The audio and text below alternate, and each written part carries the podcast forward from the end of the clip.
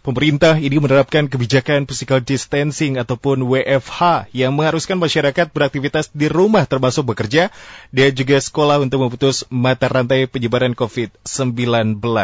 Namun di sisi lain kebijakan ini berdampak negatif pada beberapa sektor kehidupan ya. Pemerintah pun mulai mensosialisasikan new normal New normal ini adalah fase kehidupan baru di mana publik akan menjalankan aktivitas secara normal dengan mengedepankan protokol pencegahan virus corona. Di Jawa Barat sendiri ini dikenal istilah AKB ya, ataupun adaptasi kebiasaan baru. Tentunya di masa new normal ini tetap harus menggunakan masker, mengurangi kontak fisik, jaga jarak ya, dan juga rajin mencuci tangan dan menjaga kebersihan. Untuk menghadapi fase new normal tentunya kita harus meningkatkan sistem imunitas Anda dan tidak hanya memperhatikan imunitas Anda ya sebagai orang dewasa tentunya imunitas putra-putri Anda juga sebaiknya diperhatikan. Aspek apa saja dari imunitas anak yang sebaiknya diperhatikan? Dan juga sudah tentunya uh, barang tentu bahwa kalau misalkan memang dalam kondisi seperti ini, kondisi sekarang, ini kondisi fasenya normal dengan adaptasi kebiasaan baru sudah dilaksanakan, pemerintah mempersilahkan, memperbolehkan masyarakat untuk beraktivitas kembali. Namun tentunya itu dia, pedoman untuk protokol kesehatan harus tetap ditegakkan, tetap dilaksanakan secara disiplin oleh seluruh masyarakat tanpa terkecuali. Bagi siapa pun masyarakat yang tidak menggunakan masker, kedapatan atau terlihat ini akan didenda dengan denda nominal pastinya ya. Ini peraturan yang cukup baik sih sebetulnya ya untuk mendisiplinkan, tapi tentunya berharap bahwa tanpa ada peraturan tersebut harusnya masyarakat jangan abai ya, harus tetap disiplin. Kalau misalkan memang tentunya kondisi tersebut bukan apa-apa, alasannya adalah untuk kebaikan bersama. Kami akan bergabung bersama Dr. Arlita Putri SPA sebagai praktisi kesehatan dan juga promotor kesehatan di Instagram @tanya dokter anak. Halo dokter. Halo. Apa kabar dok? Sehat ya? Alhamdulillah baik sehat. Sibuk dokter? Sedang sibuk nampaknya uh, nih. Lumayan ya. New normal udah mulai sibuk-sibuk tipis-tipis lah. Begitu ya, uh, dibanding beberapa waktu lalu tentunya ya dok ya. Ya.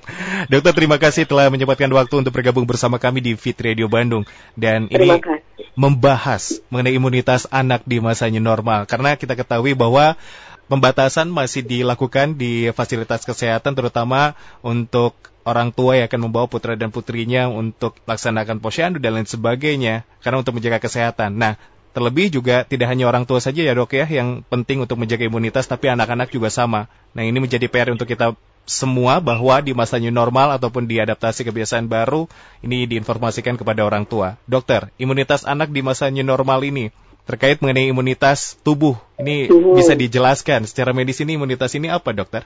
Oke, baik. Terima kasih. Sebelumnya, halo. Semoga semuanya sehat selalu di masa new normal ini ya.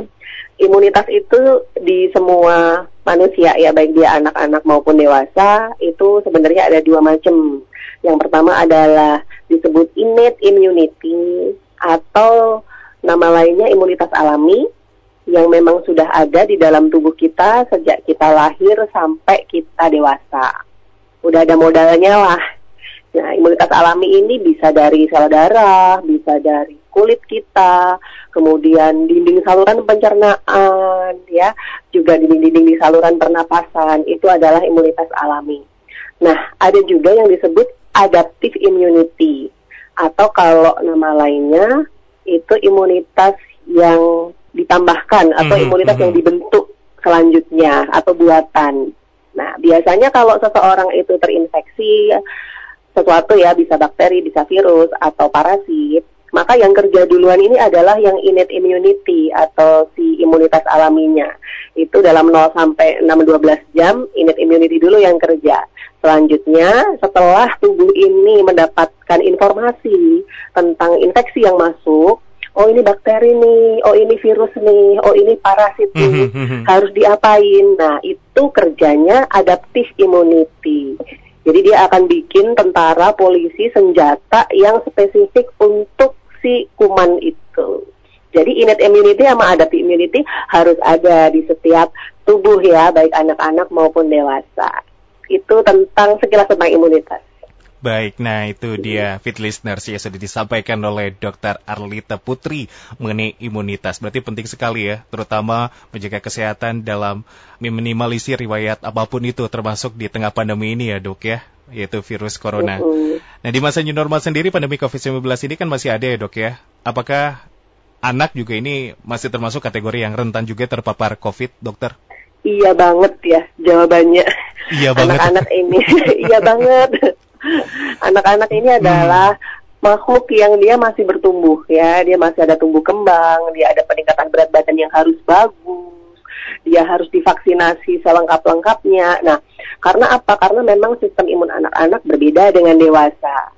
Di orang dewasa sistem imunnya udah matang semua nih, ya udah pinter. Nah, pada anak-anak sistem imun ini masih progres beberapa itu belum sampai tahap mateng. Ya, jadi masih perlu belajar lagi ya sistem imunnya ini di dalam tubuhnya ini belajar berproses sehingga itulah kenapa anak-anak menjadi lebih rentan terkena penyakit termasuk di masa new normal ini. Jangan lengah karena virus masih ada di mana-mana, anak tetap harus terproteksi harus terproteksi dengan baik ya. Jangan sampai diproteksinya sama orang tua saja tapi dengan imunitasnya sendiri begitu. Maksudnya dalam diri begitu ya, Dok. Jadi supaya lebih maksimal. Lalu sebagai orang tua, apa saja dokter sebaiknya yang harus dilakukan? Yaitu tadi dalam menjaga imunitas sang anak supaya tetap fit, tetap sehat, terhindar dari segala macam faktor resiko begitu, Dok. Baik, untuk orang tua, untuk anak-anak supaya imunitasnya itu bagus, ini anak-anak kan usia rentang usianya banyak nih dari 0 sampai 5 tahun bahkan sampai 18 tahun ya sekarang kategori anak. Nah, untuk orang tua yang saat ini masih memiliki bayi usia 0 sampai 6 bulan, silahkan harus sebaiknya wajib kudu ngasih ASI eksklusif. Karena ASI itu bagus banget loh. Di dalam ASI itu ada komponen hidupnya. Ada imunoglobulin dan lain-lain, itu adalah komponen hidup yang nggak ada di susu formula. Susu formula itu kan benda mati ya. Nah, ASI ini ada komponen hidupnya yang bisa diberikan dari ibu ke bayinya untuk meningkatkan imunitas. Anak-anak ASI biasanya memang lebih strong, lebih nggak mudah sakit-sakitan, lebih nggak gampang ngedrop daripada anak-anak yang tidak ASI. Nah, jadi kalau 0 sampai 6 bulan fix berikan ASI eksklusif. Selanjutnya gimana kalau udah lebih dari 6 bulan, kalau udah balita harus digimanain biar imunitasnya bagus. Yang pertama yang wajib harus dilakukan adalah berikan nutrisi atau makan dengan komposisi yang lengkap dan seimbang. Kita orang dewasa aja kalau telat makan, nggak makan beberapa hari, lemes, nggak enak badan ya. Apalagi anak-anak. Anak-anak kan lagi butuh-butuhnya nih untuk tumbuh kembangnya kan, untuk perkembangan otak segala macam, termasuk untuk menambah kemampuan sistem imunnya. Jadi harus makan yang porsinya lengkap dan seimbang kandungan gizinya.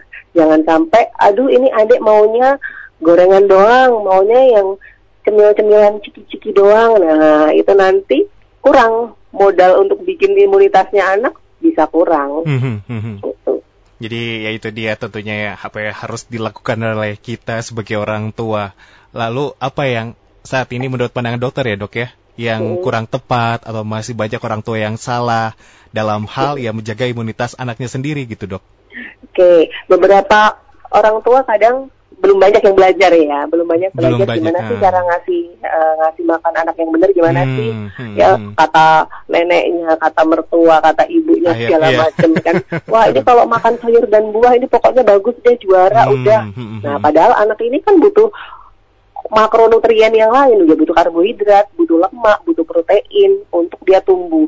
Apalagi sistem imun, sistem imun itu kebanyakan sebagian besar dibentuk oleh modal protein kita. Nah, kalau kita asupan proteinnya kurang, ya berarti tentara-tentaranya yang dibikin sama tubuh kita nanti hmm, kurang hmm. bagus dong, kurang kekar ya tentaranya karena proteinnya kurang itu kayak orang-orang yang bodybuilder nge-gym mas nge-gym nggak nge-gym kebetulan dokter ya nge-gym itu kan minum minum protein makan protein supaya bodinya oke okay. nah anak-anak juga dia butuh karbo butuh lemak butuh protein supaya sistem imunnya juga yang diproduksi bagus beberapa orang tua juga kadang pasrah nih ah udah anaknya nggak mau makan minum vitamin aja beres ini beberapa perilaku yang kurang tepat ya anak ini untuk dia tumbuh, untuk dia punya tadi ya kekebalan kan ada alami dari organ tubuhnya sama ada yang buatan. Nah yang alami ini organ tubuh kalau dia rusak atau nggak kuat ya kekebalannya nggak bagus. Nah untuk organ tubuh ini butuh makronutrien, karbo, protein, lemak. di dalam sebotol sirup vitamin itu nggak ada cukup kandungan karbo, nggak cukup kandungan lemak, nggak cukup kandungan protein yang dibutuhkan untuk anak. Jadi tetap aja makan. Kadang pasrah aja gitu kan. Yang penting minum vitamin, biarin Mhm, makannya mhm. nggak bener nggak apa-apa. Itu yang masih banyak keliru. Vitamin boleh silahkan diberikan. Beberapa juga memberikan efek positif untuk kekebalan tubuh anak atau imunitas. Cuman itu bukan juaranya. Juaranya ya tetap makan. Gitu. Makan. Tapi kan Mm-mm. makan juga harus benar-benar diperhatikan juga ya dok ya. Jangan asal makan yang makan ya udah yang penting makan. Nggak begitu ya dok ya pengertian penjelasannya ya. Lalu nah ini dari makanan sendiri saat ini kan kita ketahui bahwa anak-anak ini juga kemudian ya dok ya terus juga Mm. pemilih dan Mm. banyaklah begitu permasalahan-permasalahan orang tua dan anak ketika ya berbicara mengenai makanan. Kita sebagai orang tua harus bagaimana dok? Eh, Hmm. tahu ini yang baik untuk anak kita supaya sehat, bugar begitu dokter? Oke.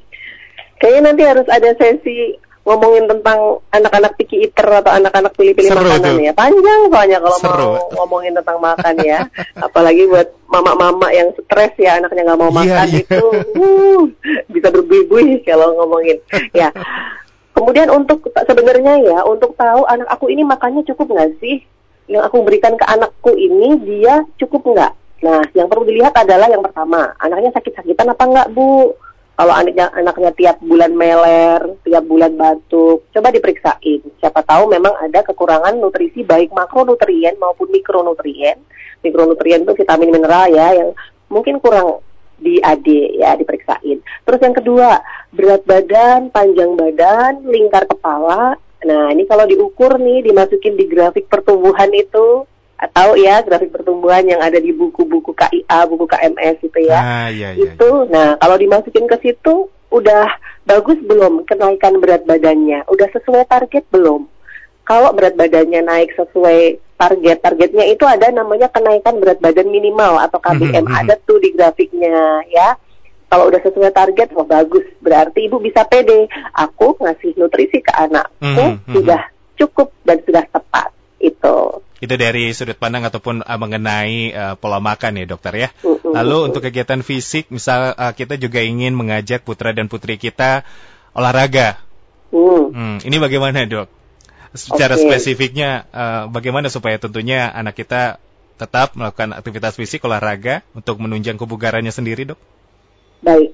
Ya, untuk anak-anak aktivitas fisik fisik itu penting ya, perlu 30 menit sampai satu jam sehari dia bermain Mhm, yang fisiknya mhm. bergerak itu kalau bisa dipenuhi kebutuhannya ya, apalagi buat balita nih. Balita tuh kadang nggak dikasih jadwal aja dia udah mainan sendiri ya. Cuman tetap harus diperhatikan saat ini kan masih ada risiko penularan. Jadi tetap hindari kerumunan. Kalau mau main di lapangan, pas jangan pas ada konser atau pas rame-rame ya, pas sepi atau di sekitar rumah, tapi upayakan memang pas sepi itu satu atau kegiatan di dalam rumah. Kemudian untuk kalau keluar rumah, kalau anak sudah berusia di atas 2 tahun, silakan pakai masker. Nah, tapi kalau anak di bawah 2 tahun, rekomendasi baik dari CDC ya maupun WHO itu tidak dianjurkan pakai masker karena ada resiko terbekat ya. Karena anak-anak kecil ini kan kadang nggak ngerti gimana harus benerin maskernya, kencengan gimana harus ngendorin, masih belum tahu, belum paham. Jadi kalau di bawah 2 tahun belum perlu diberikan masker. Terus gimana dong kalau mau diajak keluar? Ya paling aman sih emang nggak ngajak keluar ya Bu, apalagi diajak ke minimarket, mall dan lain-lain ya kalau masih baduta itu. Karena dia proteksinya memang masih minim, belum lagi nih anak ntar pegang-pegang segala-gala. Ya itu. Jadi kalau untuk olahraga silahkan boleh indoor, boleh outdoor, tetap tetap ya perhatikan syarat wajib new normal, jaga jarak, cuci tangan dengan air sabun teratur, atau dengan hand sanitizer dan pakai masker. Tetap ya silahkan. Kemudian satu lagi nih, ada juga yang penting nih untuk anak-anak, yaitu kualitas tidur. Mhm, mhm. Nah, kualitas tidur ini juga sangat mempengaruhi imunitas. Anak-anak yang tidurnya cukup, sesuai dengan usianya tentunya ya. Anak-anak jumlah tidurnya beda sama kita. Kita kalau tidur 12 jam sehari, orang dewasa dibilang kayak kalong. kayak apa tuh, kayak kebu. Nah, kalau anak-anak, enggak, masing-masing golongan usia ada uh, harus tidur sekian jam. Itu harus terpenuhi. Kenapa? Karena apalagi tidur malam ya terutama ya. Kalau bisa anak-anak tuh sebelum jam maksimal jam 9 malam udah tidur tuh balita. Karena growth hormon atau hormon pertumbuhan itu kerja bagusnya pada saat anak tidur malam. Termasuk untuk mensupport hormon-hormon yang lain juga, di antaranya juga untuk imunitas. Jadi silahkan tidurnya dibenerin anaknya. Jangan begadangan main HP mentang-mentang lockdown di rumah aja. Mm-hmm. di normal juga masih belum ke mana-mana. HPan aja anaknya di rumah ya. Nggak belajar jadinya. Tidurnya sampai malam-malam sampai pagi gara-gara HPan diperbaiki pola tidurnya sama silakan aktivitas. Karena memang aktivitas terbukti meningkatkan sistem imun kita juga itu dia, ya tentunya sekarang sudah lebih paham ya bagaimana pola makan yang harus diterapkan dan juga tentunya berkegiatan fisik karena putra dan putri walaupun anak-anak juga harus dibiasakan olahraga ya dok ya. Kalau misalkan tidak ya paling pasti mainnya main game mulu, gadget mulu begitu di rumah rebahan gitu. Dokter sedikit saja menyinggung fenomena tersebut. Ini kan tentunya anak-anak akhirnya jadinya nyaman ya dengan gadget atau gawainya. Uhum. Ini baik tidak dok sebetulnya, apalagi di tengah pandemi ini dan berkaitan dengan imunitas tubuh sang anak juga? Oke, okay. untuk penggunaan gadget, untuk penggunaan gadget sebenarnya kalau untuk anak-anak usia 0 sampai 2 tahun, mm-hmm. 0 sampai 18 bulan sampai 2 tahun lah, itu sebaiknya memberikan gadgetnya selama 0 menit. Berapa okay, dokter? 0 menit. Berarti ya nggak dikasih. Oh, oke oke oke. Iya. Hmm. Jadi anak-anak di bawah 2 tahun itu kan lagi masa-masanya seribu hari kehidupan tuh. Betul. Nah, jadi di situ ada perkembangan otak yang bus gitu, yang benar-benar eksponensial. Nah, manfaatkan momen perkembangan anak ini untuk memberikan stimulasi dan latihan perkembangan yang sesuai dan dibutuhkan nanti pada saat dewasa. Perkembangan bicara, perkembangan motorik, perkembangan sosial kemandirian ya, macam-macam untuk perkembangan tidaknya ada empat sisi ini ada empat aspek gitu. Nah, kalau anak ini kebanyakan HP-an, banyak nih yang kejadian apa nih anaknya belum ngomong ngomongnya masih dikit kalau nggak pakai bahasa planet pakai bahasa upin ipin waduh sebut merek nih ya pakai bahasa bahasa nggak jelas karena yang dia tonton yang kurang jelas ya, hmm. ya kalau untuk sampai dua tahun sebaiknya tidak menggunakan screen time baik itu dari HP laptop yeah. mm -hmm. tablet mm -hmm. atau TV juga mm -hmm. boleh kalau untuk apa? Komunikasi. Silahkan video call sama kakek neneknya mm-hmm. video call sama orang tua sama sepupunya. Silahkan untuk komunikasi. Tapi kalau di atas dua tahun gimana HP boleh silahkan. Tapi harus dengan pendampingan. Hmm. dua sampai lima tahun satu hari maksimal satu jam aja. Yeah, yeah. itu pun didampingi. Nih dek lihat nih Ultramannya. Misalkan ya lagi berantem sama monster karena monsternya jahat. Jangan sampai anak nggak didampingi ntar di luaran anaknya mukulin temennya karena dia merasa kayak dia Ultraman. Nah, karena orang tuanya nggak ngasih tahu bahwa ini berantem karena monsternya jahat. Nah, seperti itu. Nah, kemudian untuk efek lain, karena anak kebanyakan main HP di rumah aja, nggak ke mana-mana, biasanya dia lari-lari, main sepeda, main bola, kok ini nggak boleh ya, takut ini itu. Yeah, yeah. Jadi di rumah HP-an aja, anak-anak jadi hipoaktif. Hmm. Jadi nggak banyak gerak. Yeah. Resikonya apa? Bisa terjadi obesitas nih. Hmm. Nah, padahal obesitas itu juga merupakan salah satu faktor resiko atau salah satu faktor komorbid yang bisa menyebabkan seseorang kalau dia terinfeksi COVID yeah. menjadi parah, menjadi berat, mm-hmm. menjadi kritis kondisinya. Kita banyak ya melihat beberapa kasus yang sudah banyak disiarkan ya di media Betul. meninggal dengan komorbid beberapa dan sebagian itu dengan komorbid berupa obesitas. Nah, ternyata kegemukan juga nggak bagus, kurang gizi juga nggak bagus, kegemukan juga nggak bagus. Bagusnya gimana? Ideal. Gitu. Jangan kelebihan, jangan kekurangan begitu ya dok ya ideal. Iya, yang sedang-sedang saja. Sedang-sedang saja tuh, jadi pengen nyanyi kalau udah joget. Gitu. Joget. Dok, nah misal ya dok ya, karena di tengah iya. pandemi ini juga anak-anak uh, pasien uh, eh, COVID-19 juga banyak ya, kalau ya. cakupannya seluruh dunia apalagi. Sementara untuk penanganannya COVID-19 ini kan tidak bisa ditemani orang tua, bahkan mungkin ditengok sekalipun didampingi, apalagi ini tidak bisa dok. Ini apa saja yang bisa mempengaruhi dari mungkin mental, psikis atau apa dok dari anak yang saat ini sudah terinfeksi dan dirawat. Dokter bagaimana Oke. melihat ini dok? Baik, beberapa center memang strict ya. Anaknya meskipun kalau dia balita, Mhm, dia mhm, yang positif, orang tuanya nggak positif, orang tuanya nggak boleh tuh nemenin di dalam. mhm, mhm. Yang boleh nemenin nakes aja, Iya. yang sudah pakai alat proteksi ya, Mhm, mhm. alat pelindung diri yang standar. Salah satu efek yang terutama pada balita ya, yang kerasa banget, pasti ini pukulan berat dong buat fase perkembangannya dia, di mana dia terlepas dari orang tuanya, dia nanti kehilangan kepercayaan ya, kehilangan trust ya sama orang tua, dia bisa dalam kondisi ketakutan yang konsisten karena dia ketemunya sama astronot-astronot terus ya, meskipun sebisa mungkin nakes kan pasti menghibur ya membawain boneka, nyanyi-nyanyi, joget-joget, tapi ya tetap aja penampakannya pakai astronot gitu kan. Itu. Kemudian yang paling penting lagi adalah anak ini kehilangan kesempatan untuk belajar. Anak ini kan hari-hari belajarnya sambil bermain, sambil eksplor. Nah, pasti karena dia harus ditempatkan di ruang isolasi, anak ini kehilangan masa-masa itu. Jadi anak-anak yang saat ini sedang harus dirawat di isolasi, itu benar-benar butuh support support dari keluarga, support dari nakes juga, support dari bisa dari KPAI ya, Komisi Perlindungan Anak ya, memaksimalkan supaya anak ini meskipun dirawat sendirian, dia tidak merasa kesepian dan tadi tidak kehilangan momen untuk tetap belajar meskipun kondisi dirawat ya dan sendirian. Tapi kalau anak-anak remaja ini kan kita juga punya pasien remaja nih ya 13-15 tahun biasanya mah udah santuy di dalam bangsal di infus. Kalau kondisinya bagus ya Mhm, kalau kondisinya mhm. bagus kan bahkan dia nggak pakai oksigen. Jadi kayak orang tipes dirawat gitu aja. Bahkan nggak demam juga bisa ya karena kondisinya bagus. Tapi memang harus dirawat karena positif. Mereka lebih paham mereka sudah lebih dewasa. Yang trouble adalah yang balita-balita ini Itu dia ya. Karena kita lihat atau saya pribadi melihat di media begitu kalau ada liputan tentang anak yang terinfeksi sendiri itu terbayangnya jangankan anak-anak yang dewasa saja udah bagaimana begitu ya dok ya? Apalagi di usia yang masih kecil ini orang tua bahkan tidak bisa ada di samping begitu ya dok kalau permasalahan mengenai covid ini. Oke dokter ini ada yang sudah bertanya melalui WhatsApp ada Ibu Vita di Cibiru dok. Baik Ini bertanya, anak saya sekolahnya katanya akan segera ada tetap muka katanya. Nah, apakah aman ya dok kondisi seperti ini? Dan saya pilih homeschooling saja begitu. Anak saya kelas 4 SD. Oke, baik.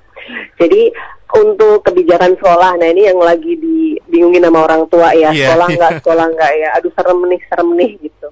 Memang saat ini kondisi kita belum belum bersih ya, COVID ini belum selesai. Bahkan kalau dilihat dari angka kasus baru tiap hari Indonesia itu masih 1.500an lebih, bahkan sempat menyentuh angka 2.000 dan bahkan diperkirakan kita nanti mungkin akan menghadapi masa di mana per hari itu 4.000 pasien positif didapatkan. Itu perkiraan ya, perkiraan para ahli-ahli epidemiolog.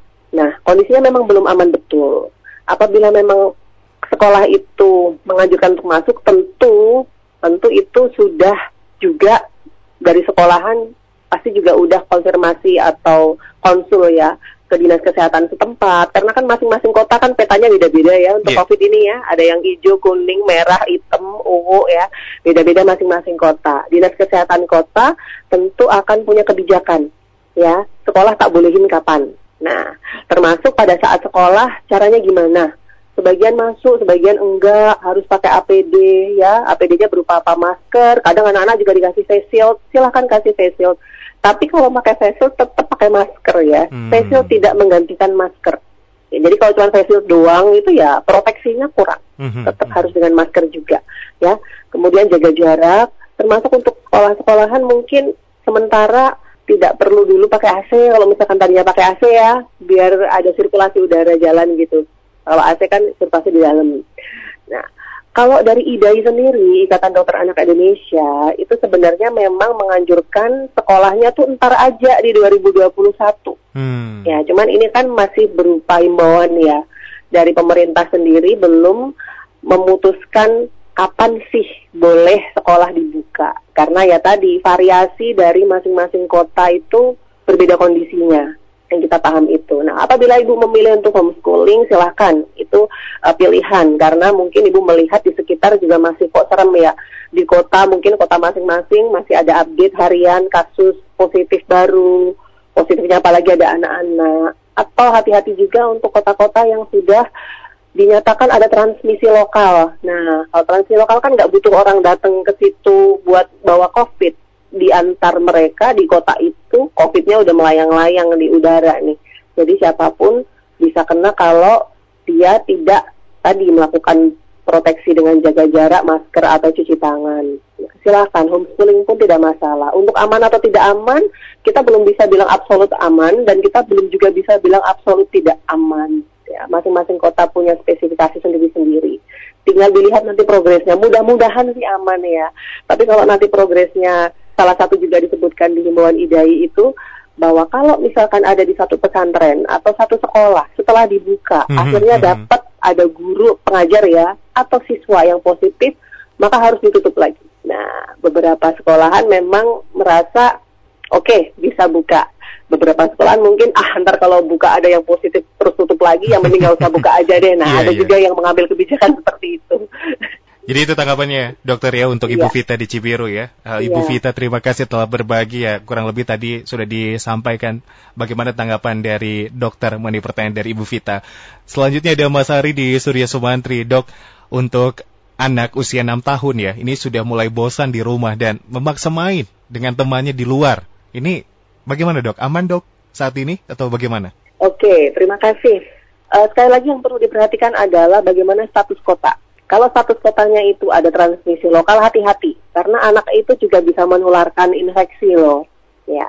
Dan kalau misalkan ya namanya anak-anak kita gimana sih mau mengekang nggak mungkin ya pasti dia bubar gitu pengen pengen keluar gitu sama temennya tetap harus melakukan proteksi ya syarat proteksi di new normal misalkan pakai masker, tetap jaga jarak, dan juga cuci tangan dengan rutin. Terus kalau main bola gimana caranya tuh dok? kalau suruh pakai masker, jaga mm -hmm. jarak, nggak mm -hmm. jadi main bola lah kita. Nah, mungkin bisa diawali dengan seperti apa? pada saat main bola belum main bola beneran dulu oper-operan aja dulu dari jarak jauh gitu ya sekaligus melatih ya melatih presisi kamu ngopernya tuh mereng nggak sih kemudian pilih juga permainan-permainan yang meskipun dilakukan bersama teman kalau bisa di tempat yang sirkulasi udaranya bagus jadi jangan yang di ruang ber AC kumpul-kumpul aduh itu bulat aja di situ tuh nanti udara-udara ya terus ada yang batuk lagi anak ya nggak pakai masker lagi anaknya ya di ruang terbuka. Silahkan tuh di ruang terbuka, tetap ya pakai masker. Jadi aktivitasnya dipilih yang tidak terlalu melelahkan. Karena kalau sampai melelahkan, anak sampai ngos-ngosan padahal dia pakai masker, bisa pingsan anaknya nanti ya. Dipakar, diberikan permainan-permainan yang kira-kira ini nggak terlalu bikin kecapean banget lah, nggak bikin ngos-ngosan lah patokannya gitu. Anak tetap happy, tetap terproteksi. Seperti itu. Baik, itu dia Mas Ari dari Dokter Arlita Putri sudah ditanggapi juga ya, karena memang ya dalam kondisi seperti ini orang tua juga harus bijak ya, selain tentunya melindungi diri sendiri, keluarga di rumah dan lingkungan sekitar harus benar-benar ditelaah begitu ya kondisinya bagaimana harus terus update ya kondisinya begitu ya dok di tengah pandemi ini ya. takutnya ada transmisi lokal dan lain sebagainya apa yang disampaikan oleh dokter dokter terima kasih telah menanggapi interaksi dari pendengar pada kesempatan hari ini dan ditutup dengan closing statement yang ingin disampaikan kepada fit listeners silakan dokter Oke, terima kasih fit listeners semuanya. Sekali lagi, di masa new normal ini kita tetap harus waspada dan tidak boleh lengah karena penularan dan penyebaran virus masih saja bisa terjadi. Beberapa yang bisa dilakukan di rumah. Yang pertama, berikan nutrisi terbaik untuk anak. Kalau masih 0 sampai 6 bulan, kasih ASI eksklusif. 6 bulan ke atas, berikan makan dengan nutrisi yang lengkap dan adekuat. Makanlah berbagai jenis makanan, campur-campur gitu ya, nggak monoton. Supaya apa? Supaya anak bisa mendapatkan variasi makronutrien dan mikronutrien termasuk vitamin dan mineral yang dibutuhkan untuk meningkatkan imunitas tubuh. Selanjutnya, boleh silahkan kalau mau ngasih vitamin ke anak yang sudah jadi ya, yang dalam kemasan. Namun, vitamin-vitamin itu tidak menggantikan makan. Sifatnya bukan sebagai pengganti, namun hanya sebagai tambahan. Selanjutnya, tetap selalu harus melakukan prosedur protokol kesehatan di mana pun membawa anak ya.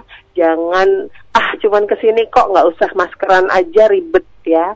Kalau anak udah di atas 2 tahun silahkan menggunakan masker ya untuk anak. Kemudian juga jaga jarak serta cuci tangan selalu udah apal nih kalau ini ya protokol kesehatan ya. Terima kasih. Terima kasih kembali dokter yang telah bergabung bersama kami dan apa yang disampaikan insya Allah ini bermanfaat untuk kita Amin. semua. Dokter selamat bertugas, selalu jaga kesehatan ya dok ya. Terima kasih. Terima kasih. Sama-sama dokter dan demikianlah bersama dokter Arlita Putri SPA sebagai praktisi kesehatan dan juga promotor kesehatan di Instagram @tanya dokter anak yang telah memberikan informasi untuk Anda mengenai imunitas anak di masa new normal.